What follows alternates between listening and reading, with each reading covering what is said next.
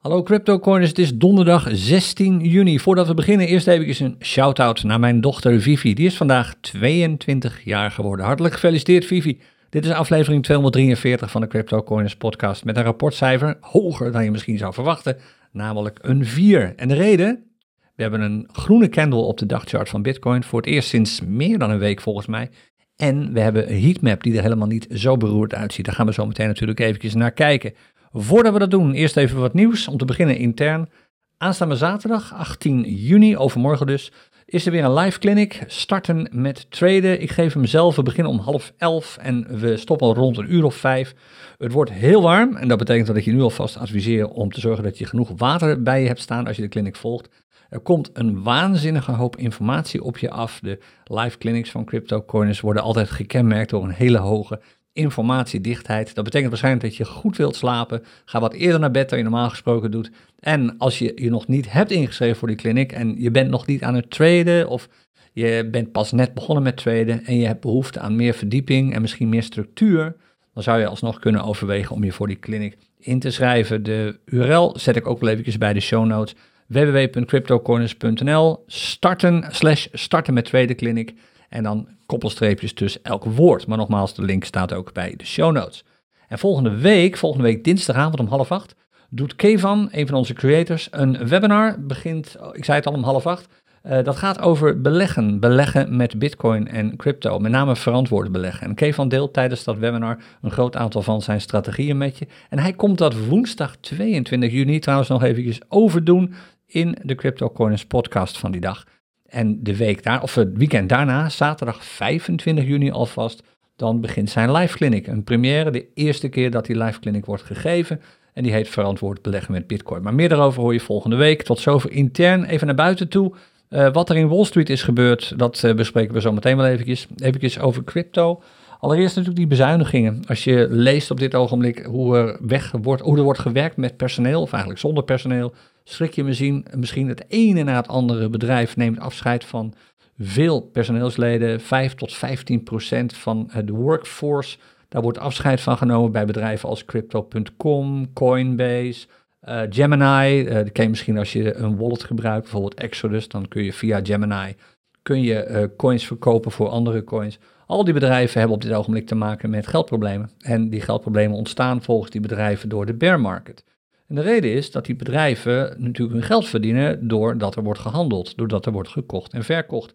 En als dat minder gebeurt, zoals op dit ogenblik, dan wordt er dus minder verdiend. En als je dan misschien wat te veel hebt uitgegeven in het verleden, loop je al snel tegen situaties aan waarbij de liquiditeit, zoals het heet, onder druk komt te staan.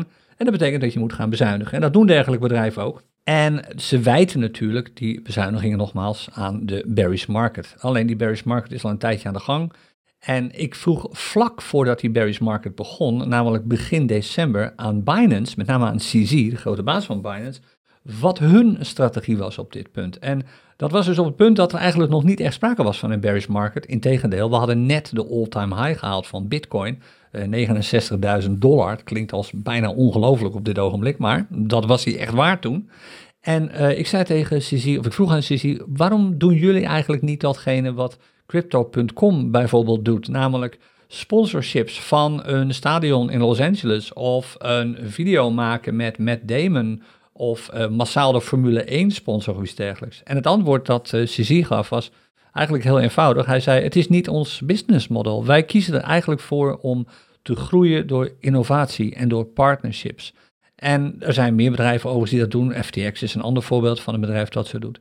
Want hij zei ook, de bedrijven die nu zoveel geld stoppen in dergelijke promotie, komen in de knel op het moment dat de markt omkeert. En dat gebeurt natuurlijk ook een keer. En dat waren, eerlijk is eerlijk, gewoon hele wijze woorden, want precies datgene is nu gebeurd. En natuurlijk, het is uiteindelijk heel vervelend voor al die medewerkers die hun ziel en zaligheid stoppen in werken voor zo'n platform, om vervolgens bij de eerste serieuze bear market gewoon te worden ontslagen. Maar ja, zo werkt het spelletje blijkbaar. En wat het spelletje betreft, Celsius, misschien wel eens van gehoord, dat uh, platform waar jij je geld kunt deponeren, waarna het voor jou wordt uitgeleend aan mensen die het hard nodig hebben. Dat platform heeft een serieus probleem, financiële problemen. Niemand weet precies hoe groot de problemen zijn. Op dit ogenblik weten we eigenlijk alleen maar dat je je geld niet meer kunt opnemen. Alle wallets zijn bevroren. En wat veel vervelender is, er komt eigenlijk geen communicatie vanuit Celsius. Volgens mij zijn die wallets begin deze week bevroren, zondag of maandag of zo. Niemand kan nu meer opnemen. Dat maakt heel veel mensen heel bang. Met name mensen die er veel geld in hebben zitten. Ik las op Reddit een, verhaal van iemand die had er meer dan 50 ether in gestopt. En dat was op het moment dat de etherprijs nog een stuk hoger was dan nu. En die ziet gewoon zijn huis verdampen, omdat dat geld weg lijkt te zijn. Hij kan in ieder geval nu niet meer aankomen. hij schreef ook, ik slaap hier niet meer van, ik maak me zware zorgen. Nou, wat is er nou precies uh, aan de hand qua communicatie? Helemaal niks, er gebeurt niks. De eerste uiting van Celsius was er eigenlijk eentje van de CEO, de grote baas. Volgens mij kwam die vannacht. Uh, en hij zei via een tweet uh, ja, we hebben een, een, een, serieus, we hebben een zwaar probleem, maar we zijn dankbaar dat zoveel van jullie contact met ons hebben opgenomen. Het is fijn om te zien hoe sterk de Celsius community is. En als ik dat dan lees, dan denk ik bij mezelf, dit gaat helemaal nergens over. Dit zeg jij als grote baas van een bedrijf, omdat je niks anders mag zeggen. En als jij niks anders meer mag zeggen als CEO, dan betekent het dat er anderen aan het roer staan. En dat zijn waarschijnlijk advocaten. En misschien zijn het wel advocaten die nu worden ingeschakeld om te voorkomen dat bij een mogelijk faillissement van deze onderneming de CEO zwaar wordt aangepakt en eh, persoonlijk aansprakelijk wordt gesteld. Want een dergelijk bericht waarin je veel praat en helemaal niets zegt, geeft gewoon aan dat je geen controle meer hebt en niks wilt zeggen om jezelf niet kwetsbaar te maken. En dit is een voorbode van slecht nieuws. Ik ben natuurlijk uiteraard heel erg geïnteresseerd in jouw verhaal als je zelf geld hebt gestopt in het Celsius-platform. Als je je ervaringen wilt delen, dat gaat natuurlijk 100% anoniem. Stuur dan eventjes een mailtje naar podcast.cryptocorners.nl of post een reactie op onze YouTube-pagina bijvoorbeeld of op onze podcastpagina. Dan kunnen we je reactie nogmaals 100% anoniem even meenemen in de volgende aflevering van de podcast. Maar ik maak me, ik zou me als ik zelf geld in dit platform had zitten natuurlijk serieus zorgen maken, want alle lichten staan op dit ogenblik op rood. Alle alarmsignalen gaan op dit ogenblik af. Ik ben heel benieuwd hoe dit zich ontwikkelt. Met name wat de gevolgen zijn als dit omvalt. En als dat gebeurt, gebeurt het snel. Binnen een week is dat nieuws er dan echt wel. Wat dit voor gevolgen gaat hebben voor bijvoorbeeld de prijs van Bitcoin. En de prijs van andere grote, misschien wel alle uh, cryptomunten. Want dit zal opnieuw een schop geven aan het vertrouwen van veel mensen in crypto en bitcoin. Dit waait dan wel weer over. Je weet in de praktijk hoe, zoiets, hoe snel zoiets herstelt. Maar als een bedrijf als Celsius, waar zoveel mensen zoveel geld in hebben gestopt, zomaar omvalt, eigenlijk zonder dat daar een andere reden voor is dan een dalende bearish markt, dan is dat voor heel veel mensen een reden om het vertrouwen in crypto permanent op te zeggen. En dat gaan we merken in de prijs. Dus let het op het nieuws op dit ogenblik. En ik kijk even niet naar de charts, maar puur het nieuws. Kan ik niet anders dan concluderen dat we nog niet klaar zijn met prijsdalingen. Tenzij, en dat zou me echt verrassen, ik hoop natuurlijk echt dat dit gebeurt voor mensen die hier actief in zitten. Tenzij opeens heel goed nieuws komt vanuit Celsius, waarin ze aangeven dat ze het hebben gered. Maar naar mijn mening moeten ze de zaak nu wel op slot gooien, want anders zou er een soort crypto-versie van een bankrun ontstaan. Iedereen wil zijn geld gaan opnemen. En als meer dan 10% dat doet, zoveel hebben ze waarschijnlijk nog maar gedekt, dan valt die hele club om. En dat is natuurlijk het laatste wat ze nu willen. Dus het bevriezen van wallets is eigenlijk, eh, dit zijn dus custodial wallets, wallets waar je zelf niet het beheer over hebt, is een, altijd een extreem veegteken. Tenzij het om technische redenen gebeurt. Kijk, Binance bijvoorbeeld van de week ook even Bitcoin wallets. De reden was, er zat nogal wat um, uh, vast in de pool uh, op de, de Bitcoin blockchain. En die bewuste pool moest eerst even leeg, want anders zouden het opnametransacties gewoon veel te lang duren. En dan gaan mensen natuurlijk ook weer in paniek raken. Ja, ik heb mijn bitcoin opgenomen, maar het komt niet. Wat is er aan de hand? En dat is natuurlijk het laatste wat je wilt. Dus dat zijn hele andere redenen. Technische redenen zijn andere. Dit is geen technische reden. Hier zit absoluut een financiële reden achter. Dus nogmaals, zit jij in dit uh, probleem? Heb je dit probleem ook? En wil je hier eventjes uh, je mening over geven en wat over delen, anoniem? Stuur even een reactie, desnoods naar podcast.cryptocorners.nl of bijvoorbeeld op uh, YouTube. Tot zover, dan gaan we naar de charts van vandaag. En je weet het, kijk je mee op um, YouTube, dan zie je ze nu ook. Dit is de Bitcoin chart, Bitcoin versus de dollar, de dagchart. Allereerst, we hebben een nieuwe lower low te pakken. Dat was die van gisteren. Als je de weekchart er nu bij zou pakken, wat ik even niet doe, dat doe ik maandag alweer. Dan zou je zien dat die low bijna op het niveau zit van de vorige gap. De gap zit iets lager, 19.960 uit mijn hoofd op uh, Bitstamp, waar wij nu op kijken. En dat betekent eigenlijk dat de gap is bereikt. Je kunt wel heel precies gaan zijn van nou, er ontbreekt nog ongeveer 110 dollar of 120 dollar. Maar dit wordt gewoon gezien als de gap. Nou, als die is bereikt, zou dat normaal gesproken een stuitering betekenen. Oké, gap is geraakt, we gaan weer terug naar boven. Alleen het sentiment is gewoon nog steeds beroerd. Ik had het net eventjes over Celsius natuurlijk. Al dat soort factoren spelen een rol. Het vertrouwen is al laag op dit ogenblik van mensen. In geld sowieso, niet alleen in bitcoin en crypto, gewoon in geld. Ja, als er dan ook nog eens een keertje zoiets gebeurt, dan wordt dat vertrouwen alleen maar minder. En dat betekent dat prijsdalingen nog steeds zeer realistisch zijn. Ook al hebben we nu die gap bereikt. We gaan dat eigenlijk zelf kunnen volgen aan de hand van wat er nu met de prijs gebeurt. We zitten op die Bitcoin-dollar chart in een bearish trend. Dat is heel duidelijk de dagchart. We hebben lagere pieken, lagere dalen. Zelfs als de piek van gisteren, of sorry, het dal van gisteren uh, niet meer wordt gehaald en de prijs nu stijgt, is het dal lager dan het vorige dal. Het vorige dal dat we gezien hebben lag ongeveer hier op dit niveau ergens, zo rond begin juni. Ja, misschien zat hij hier op 7 juni. Het hangt vanaf hoe je er naar kijkt. Dit is een zijwaartse beweging. Uiteindelijk is dit misschien wel het dal geweest, 12 mei. Maar het dal is sowieso lager dan dat. En dat betekent dat, omdat we lagere pieken, lagere dalen hebben, de volgende piek technisch gezien op dit ogenblik nu, zoals de chart er nu bij staat, zit op 32.375.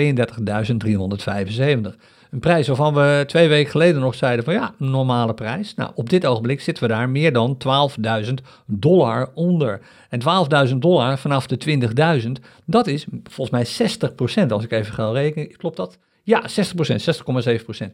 Zoveel moeten we stijgen in prijs in een relatief korte tijd om weer te zitten op het niveau dat eigenlijk heel normaal was 2,5 week geleden. Nou, dat gaat natuurlijk niet gebeuren. Ik bedoel, het kan, maar dat lijkt mij, en jou waarschijnlijk ook, extreem onlogisch als het wel gebeurt. Want het sentiment is gewoon nog steeds beroerd. Dus naar welke prijsniveaus kun je dan wel kijken als we daadwerkelijk op weg gaan naar een nieuwe piek? Dus een paar alsen. Hè?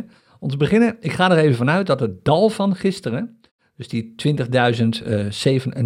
20.079 dollar, het dal is. Ik hoop dat dat zo is, want je ziet nu een rode candle ontstaan op de dagchart. Die is nog niet klaar, maar die duikt ook weer. De prijs op de dagchart duikt ook weer. De urenchart gaat ons daar zo meteen wat meer over vertellen. Maar stel dat de prijs boven, die, boven dat dal blijft, dan gaan we in principe op weg naar een nieuwe piek. Wat zijn dan punten waar je, wilt op, waar je op wilt letten? Nou, niet op de vorige piek, want nogmaals, 60% lijkt me een beetje veel op dit ogenblik. Je kunt kijken naar de Keltner Channels, die hebben lopen. Als de prijs binnen de Keltner Channels komt, is dat al een teken dat het bearish sentiment, of eigenlijk de stijgende bearish trend, ik zeg het verkeerd, het bearish momentum begint af te nemen. Er wordt niet meer zo hard op de rem getrapt. Op dit ogenblik is het momentum extreem bearish. Moet je kijken hoe ver de prijs van de onderste band van de Keltner Channels afstaat. Maar als hij in die Keltner Channels terechtkomt, is het sentiment om, of is, de, is het momentum omgeslagen naar neutraal. Dat is een eerste teken. Het tweede teken is als de prijs door de parabolic stop en reverse heen breekt. Nou, op dit ogenblik zou dat nog steeds 40% betekenen, want we zitten nu op rond de 21.000, oké, iets minder. We moeten naar de 28 toe, dat is een procent of 35, denk ik, 5, 36 procent of zo. Even kijken hoor. Oh, iets minder. Uh, nee, 35 procent. Ook dat is waarschijnlijk niet uh, heel realistisch de komende paar dagen. Maar die parabolic stop and reverse indicator, die is nu bearish. De, prijs, uh, de plusjes staan nu boven de prijs. En je weet het, als je die parabolic stop reverse indicator een beetje kent, als hij een bearish signaal afgeeft, wat hij nu doet, hij laat nu een bearish trend zien, dan dalen die plusjes alleen maar. Die zullen nooit meer stijgen.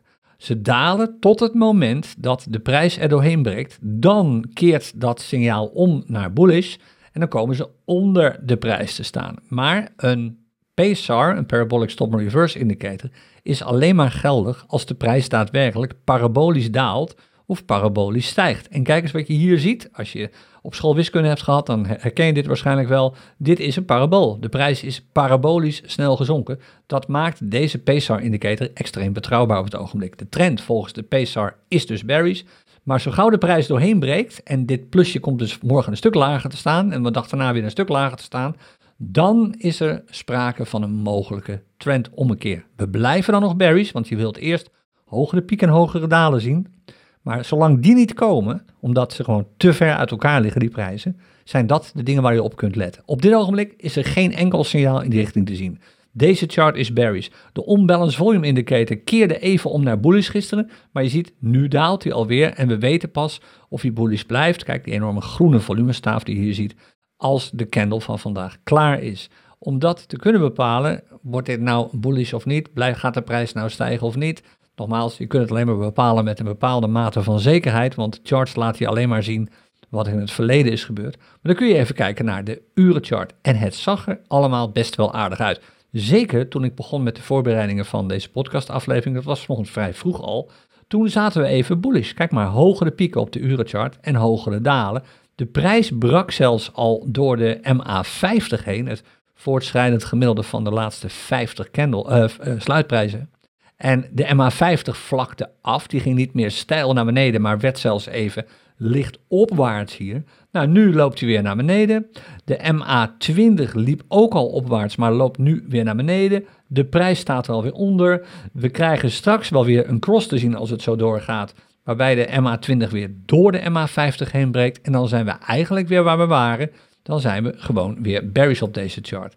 Maar apart genoeg is deze urenchart nu nog bullish als je naar de peaks en troughs kijkt. Kijk maar, we hebben hogere pieken en we hebben hogere dalen. En dit dal, als het dal nu het dal blijft, de prijs zou nu gaan stijgen, is dat hoger dan het vorige dal. Want dat zit niet hier, dat zit daar. Oftewel nog steeds hogere pieken, hogere dalen. Belangrijk wordt wat deze chart de komende uren gaat laten zien. Als dit een contractie wordt, dan blijft de dagchart bearish en is er geen enkel uitzicht op een omkeer daar. Als de prijs verder daalt, blijft de dagchart bearish. Als de prijs stijgt op de urenchart, moet hij echt flink stijgen. Moet hij gewoon boven de 23.000 komen. En dat verwacht ik eerlijk gezegd niet. Ik denk niet dat dat erin zit vandaag. Ik ben heel benieuwd naar jouw mening. Denk je dat de prijs vandaag wel of niet boven de 23 uitkomt? Als je een mening post, post dan ook even waarom je denkt dat dat zo is. Wat zie jij op charts? Wat zie jij in het algemeen sentiment dat voor jou aangeeft dat we weer op weg gaan naar hogere prijzen in plaats van uh, voortdurend lagere prijzen? Ik kan hier niet anders uit concluderen dan dat we verder naar beneden gaan. Veel minder volume, dalende prijzen, doorbraken van de MA20 en MA50. Dit ziet er niet bullish uit op geen enkele manier. Nou, voor Ether geldt eigenlijk min of meer hetzelfde als voor Bitcoin, met wat andere prijzen natuurlijk. Behoorlijke dip gezien. We hebben de 1000 dollar bijna bereikt gisteren met deze low, 1013 dollar. Was ook voor veel mensen volledig onverwacht, maar als je wat langer naar de CryptoCoins podcast luistert, dan wist je gelukkig dat dit erin zat. En ik hoop dat je maatregelen hebt genomen, bijvoorbeeld short posities of iets dergelijks. Uh, inmiddels zitten we op dat niveau. Het einde is misschien in zicht, want dit zou een nieuwe trough kunnen zijn. We hebben nu een lower low te pakken. Als de prijs vandaag niet onder die 1013 duikt, dan zou dat wel eens de low kunnen zijn. Het enige waar je op wilt, of de trough kunnen zijn. Het enige wat je goed in de gaten wilt houden is het volume. Dat was gisteren hoog en groen, eergisteren groen. En de dag ervoor rood. Dit is geen wolkenkrabber signaal, want daarvoor is de groene candle gewoon te hoog. Dus de prijs zou gewoon verder kunnen gaan dalen. We zitten nog steeds ook hier in een bearish trend. Net als bij Bitcoin, het enige wat bullish is op deze chart is de OBV, de Unbalanced Volume Indicator. Dat komt natuurlijk door die twee knallers van groene candles hier, of in ieder geval het volume hier, veel volume, bij een stijgende prijs, of gelijkblijvend of stijgende prijs. Dat levert automatisch opwaartse OBV's op. Maar nu, deze candle is nog niet klaar, ik weet het, is het alweer neerwaarts. Je wilt dus vandaag eigenlijk sowieso een groene candle zien. Als blijft de prijs maar op het niveau van de sluitprijs van gisteren, je wilt eigenlijk vandaag een groene candle zien. Lettend op de urenchart denk ik niet dat dat gebeurt, want we zien exact hetzelfde patroon als bij Bitcoin. De chart is nu nog bullish. Kijk, hogere pieken, hogere dalen. Maar de prijs breekt nu alweer door de MA20 en MA50 heen. Het volume is echt gewoon laag op dit ogenblik. Zeker als je dat vergelijkt met gisteren om deze tijd. Dat wijst zeker nu op afwachtendheid, op gelatenheid, op dalende prijzen. Wel, nog even terug aan de dagchart heb je hier ook die parabolische daling, net als bij Bitcoin. Heb je hier ook die parabolic stop and reverse, net als bij Bitcoin. Een geldig signaal, in tegenstelling tot bijvoorbeeld hier op 17 mei tot en met, eh, wat was het, 25 eh, mei. Nu zie je echt die plusjes, de afstand zie je ook groter worden tussen die plusjes. Dat is alweer een teken uh, dat, deze, dat deze indicator nu een geldig signaal afgeeft. Als de prijs nu door de laatste PSAR-prijs heen breekt, op dit ogenblik 1448 dollar, maar je zult zien dat die daalt, is dat een eerste bullish signaal. In een of op een chart die voor de rest gewoon heel erg bearish is. Dus verder eigenlijk één op één hetzelfde. Zij het dat uh, prijsniveaus uh, natuurlijk anders liggen bij Ether. Sommige mensen vragen nu van uh, waar gaat het dan naartoe met Ether? Waar liggen dan de volgende niveaus? Nou, die liggen nog een stuk lager dan nu. De eerstvolgende moet je echt terug in de tijd. Ik denk dat we dat beter even op de dagchart kunnen bekijken. Dat gaat sneller. De eerstvolgende zit hier ongeveer. Even kijken, nog flink een stukje terug. Uh, dit is ongeveer het niveau hier. Kijk, hier zit er eentje rond de 700. Ik zal de lijn er even bij tekenen als je meekijkt. Dit was uh, in, inmiddels al anderhalf jaar geleden, in december 2020. Hier zit flink wat weerstand. En die lijn wil je dan natuurlijk niet uh, groen tekenen, maar rood. hier staat flink wat weerstand. Dus ik teken hem even geel. hier zit dus nu een vloer eigenlijk, maar dit was toen flink wat weerstand. Het is niet zo'n hele stevige vloer, want het prijsniveau is maar vrij kort getest. Ik geloof uh, vijf dagen op rij of zo. En daarna zit er hier een langer op dit niveau hier, rond de 600 denk ik, 650 ja. Dus naar mijn mening, als we hier doorbreken door de huidige uh, vloer, die 1013, en dat is naar mijn mening realistisch, dan is het volgende niveau waar je zomaar op terecht zou kunnen komen rond de 760 dollar. En als de prijs daardoorheen zakt, wat kan, omdat het niet zo'n hele sterke support is, is dit een sterkere. Ik verwacht dat de prijs daar dan ongeveer landt. 630 dollar. En dit is voor mij nog steeds een realistisch koersdoel. Dit gaat duimpjes naar beneden opleveren, want mensen zeggen: waarom ben je zo pessimistisch? Dit heeft niets met pessimisme te maken, dit is gewoon realistisch. En dit biedt natuurlijk buitengewone kansen, want met Ether is er verder ook helemaal niks mis. De blockchain is gezond, er zijn geen hacks, er wordt uh, verschrikkelijk doorontwikkeld. Dat geldt ook voor Bitcoin. De blockchain is niet gehackt, er wordt goed doorontwikkeld. En er is nu op dit ogenblik gewoon nul vertrouwen in niets. Niet in bitcoin, niet in crypto, niet in goud, niet in andere, uh, niet in aandelen. Een beetje in obligaties. Eh, alleen maar omdat de rente nu is gestegen of opnieuw stijgt. Maar ja, dat kun je ook niet echt vertrouwen noemen. De markten zijn gewoon op dit ogenblik wantrouwend en op zijn zachtst gezegd extreem afwachtend. Ja, dan moet je gewoon rekenen op prijsdaling. Als je dat niet doet, struisvogel politiek natuurlijk. Er stond een uh, bericht op Facebook vanochtend. Ik weet niet of het er nog staat, want het was weer zo'n altcoin-vraag en daar zijn we niet zo op. Uh, namelijk van, uh, denken jullie dat we nu weer op weg gaan naar een all-time high? En er stonden een aantal coins in, zoals Doge volgens mij, Shiba Inu en nog een aantal van dat soort coins, meme coins vaak, met name speculatieve coins voor veel mensen. En het feit dat de vraag wordt gesteld, gaan we nu weer op weg naar een all-time high, geeft aan dat mensen heel snel denken dat zoiets voorbij is. Het is niet zo. Het sentiment waarin munten op weg kunnen naar all-time highs, is pas daar als bijvoorbeeld ook Bitcoin weer in een gezonde opwaartse trend zit. En dat is op dit ogenblik niet zo, omdat het globale sentiment niet positief is. De maatregelen die zijn genomen op Wall Street zijn niet, naar de mening van heel veel analisten en ook naar mijn mening niet, zijn niet de maatregelen die dit probleem gaan oplossen. Heel simpel. De meeste analisten denken dat wat de Fed gisteren gedaan heeft, die heeft eh, de basisrente met, of de rente met drie kwart, uh, met 75 basispunten, dat is drie kwart procentpunt, verhoogd. Dat is, dat is echt heel lang niet gebeurd. Dat is de eerste keer deze eeuw, dat is meer dan 25 jaar geleden dat dat voor de laatste keer gebeurde. Sterker nog, dat was in 1994, dat is 28 jaar geleden dat dat voor de laatste keer gebeurde. Om toen krampachtig te proberen de inflatie onder controle te krijgen. Alleen de oorzaak van de inflatie lag toen vooral binnen de VS. En nu ligt de oorzaak van de inflatie buiten de VS. Ik snap werkelijk niet dat ze dat niet zien.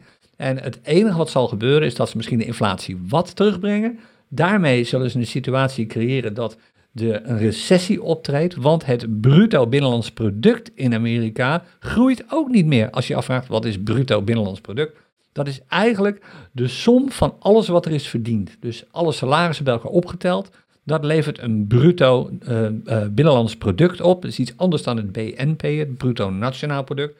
Dat is de som van alles dat door Amerikanen is verdiend, waar ze ook wonen. Maar alles wat er in Amerika is verdiend, is nu gelijk aan vorig jaar. En wordt straks minder. Daar kun je ook donder op zeggen, want er wordt gewoon minder geproduceerd. Er worden mensen ontslagen, noem maar op en zo. Nou, als dat gebeurt, als het bruto binnenlands product gaat dalen, is dat een klassiek voorteken van een serieuze recessie. En dan heeft de Amerikaanse centrale bank dus helemaal niets bereikt. En omdat dat zo is, en omdat analisten weten dat die kans erg groot begint te worden, zie je nu op Wall Street een Fear and Greed Index ontstaan van 18. En uit mijn hoofd, ik moet even nadenken hoor, we hebben gisteren een podcast gemaakt. Toen stonden we volgens mij nog in veer. Toen stonden we volgens mij nog hier ergens in de buurt van 35 of 36, 31, ik weet niet meer, maar in dit vlak. Nou, nu niet meer hoor, we staan nu op extreme fear. Je gaat waarschijnlijk weer zien dat mensen de angst snel vergeten. En dat mensen weer denken van, oh, het is allemaal weer goed, want ik heb drie, vier dagen niks gehoord. Maar er komt in juli weer een renteverhoging aan. En als dat weer 75 0,75 procentpunt is, wow, dan wordt alles opeens wel heel duur in Amerika. Je ziet nu de hypotheekrente zal stijgen en zo. Nou ja, ik hoef niet te vertellen wat dat betekent voor het consumentenvertrouwen en het bestedingspatroon van de gemiddelde consument. Kortom, drama op drama, er verandert eigenlijk helemaal niks. En naar mijn mening is dit gewoon nog steeds een kwestie van stilzitten en wachten totdat je geschoren bent. En we zijn eigenlijk pas een paar weken in dit scenario natuurlijk, hè, dat het zo heftig is. We zitten al veel langer in een bearish trend, maar zo heftig als nu de afgelopen week is, dat is nog niet zo lang zo. Vergeet dat ook weer niet. De crypto-markten op zich, die doen het best aardig nu ten opzichte van gisteren om deze tijd. Gisteren stond volgens mij alles nog zo'n beetje in de rood. Dat is nu niet zo. Op dit ogenblik zijn heel veel markten groen en sommige zelfs donkergroen. Dit zijn gewoon herstelbewegingen. De bitcoin staat nu 5% hoger dan die gisteren om deze tijd stond. Het is nu net 12 uur geweest. Ether pakt bijna 10% eh, terug. Niet van het verlies, maar 10% ten opzichte van de huidige prijs. Dat is 9% van het verlies. BNB stijgt hard. Solana pakt 15%, een van de winnaars op dit ogenblik. En Elrond doet het ook heel aardig. Er zijn er wel meer. Uh, zelfs de Tether doet het niet zo slecht. Die staat weer bijna op 1 dollar. Daar is ook wat nieuws over gekomen, namelijk dat de, de eigenaar van Tether, of het bedrijf erachter, heeft gezegd dat ze de, de beleggingen in uh, waardepapieren willen terugbrengen. Dat ze gewoon echte dollars willen hebben eh, in plaats van die beleggingen. Dat wordt door investeerders gezien als goed nieuws. Dat brengt de prijs van Tether bijna op 1 dollar. Sommige staan er zelfs boven, zoals de, de USDP of de BUSD, dat is dezelfde munt van Paxos. BUSD is de Binance-versie ervan, maar gewoon dezelfde munt, staat zelfs boven de dollar op dit ogenblik. Er zijn er wel meer. Maar over het algemeen, de crypto, echte cryptomunten, want dit zijn natuurlijk stablecoins, de echte cryptomunten, die zijn op dit ogenblik groen ten opzichte van de dollar.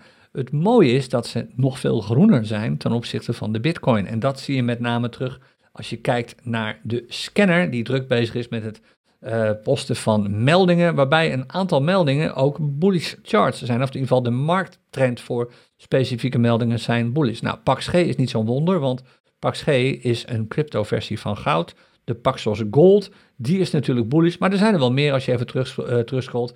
Hier heb je er eentje die is voor 53% bullish als je naar alle markten kijkt. En er zijn zelfs al meldingen geweest, het is nu even rustig, maar er zijn meldingen geweest. Hier is er eentje bijvoorbeeld van EOS, waarbij zelfs de chart trend op dit ogenblik bullish is. Oftewel, in deze 3 minuten chart zou je kunnen instappen omdat de chart zelf bullish is. Let wel op, de, de markttrend voor de bewuste munt, het bewuste muntpaar, is bearish.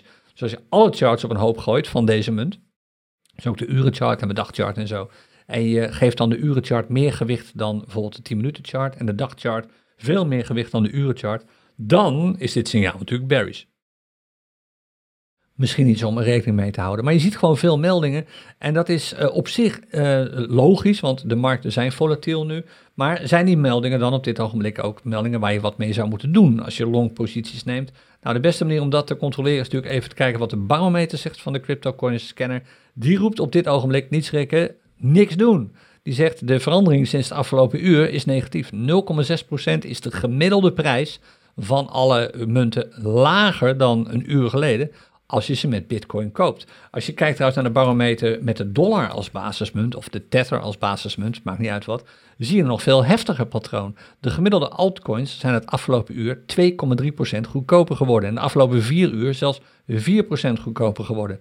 En sinds gisteren, dat is het enige goede nieuws, maar dat zie je hier ook terug, 8% gemiddeld duurder geworden. Die change one day die je hier ziet staan bij de barometer met de dollar als basismunt, is deze. Dat is wat je hier ziet. Deze chart is ook groen en dat geeft al aan dat dit ook groen zou moeten zijn. Als dit nu een negatieve waarde zou zijn, dan zou er iets niet kloppen, maar dat klopt natuurlijk. Bij Bitcoin, ik zeg het al, is het een ander verhaal. De gemiddelde prijs van alle altcoins sinds gisteren is hoger, maar de afgelopen vier uur niet meer en het afgelopen uur ook niet meer. Dit is vragen om problemen als je nu gaat traden. Ik weet het, ik zeg het te vaak misschien wel voor je uh, de laatste week, maar eigenlijk zou je deze week gewoon niet moeten gaan traden. Ook niet als je het gevoel hebt dat je moet traden, omdat je anders je procenten mist. Ook niet, naar mijn mening, als je enthousiaste verhalen hoort van mensen die wel aan het traden zijn gegaan en zomaar winst te pakken. Dat kan natuurlijk. Het kan een kwestie zijn van geluk, het kan, omdat je bijvoorbeeld het juiste muntpaar kiest. Het kan een kwestie zijn van skills, omdat je gewoon het spelletje goed snapt en yo-yo tot je erbij neervalt of snel je verlies neemt.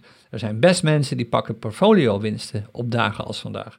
Maar er zijn ook heel veel mensen, misschien wel meer, die dat vaak niet melden, die veel verliezen pakken omdat ze gewoon zwaar worden verrast door bijvoorbeeld dit soort barometersignalen. Opeens keldert alles weer en zit je in een glijbaan. Nou, de vraag is, wil je dat nu doen?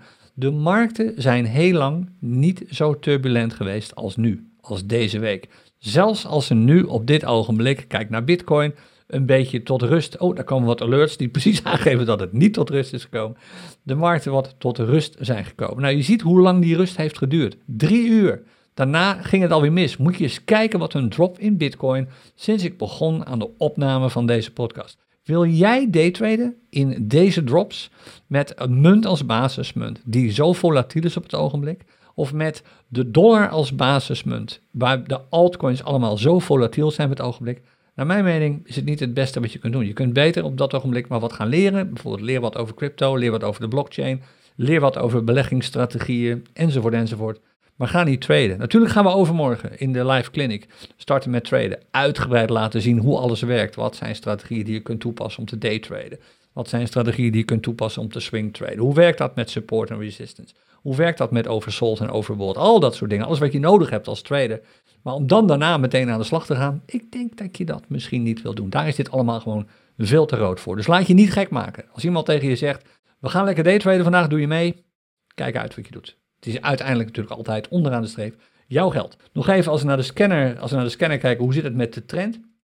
Laten we even beginnen met de trend op de Bitcoin-markten. Die was gisteren, ik geloof, rond de 30, 35 procent of zo. Uh, hij is, ik heb net al even gekeken, toen stond hij op 40% in de min en hij staat nu, dit is een melding, die zal ik zo even uitzetten trouwens. Hier is hij, hij staat nu op, oh dat was de, waren de dollartrends. De bitcoin-markten, ja, die zien er goed uit. Die staan nu 9% in de min. Oftewel, de markttrend, als je als je elk Bitcoin tradingpaar zou pakken en je zou van zo'n tradingpaar alle charts pakken, laten we zeggen tot en met de weekchart, en je kijkt vervolgens naar de trends op die weekcharts, dagcharts, 4 uur charts, 12 uur charts, uren charts, whatever, alle charts, en je geeft elke chart een weging, hoe langer een candle duurt op zo'n chart, des te zwaarder, des te meer weegt die mee, dan kom je nu over het algemeen uit op charts die voor gemiddeld gezien 9,2% bearish zijn.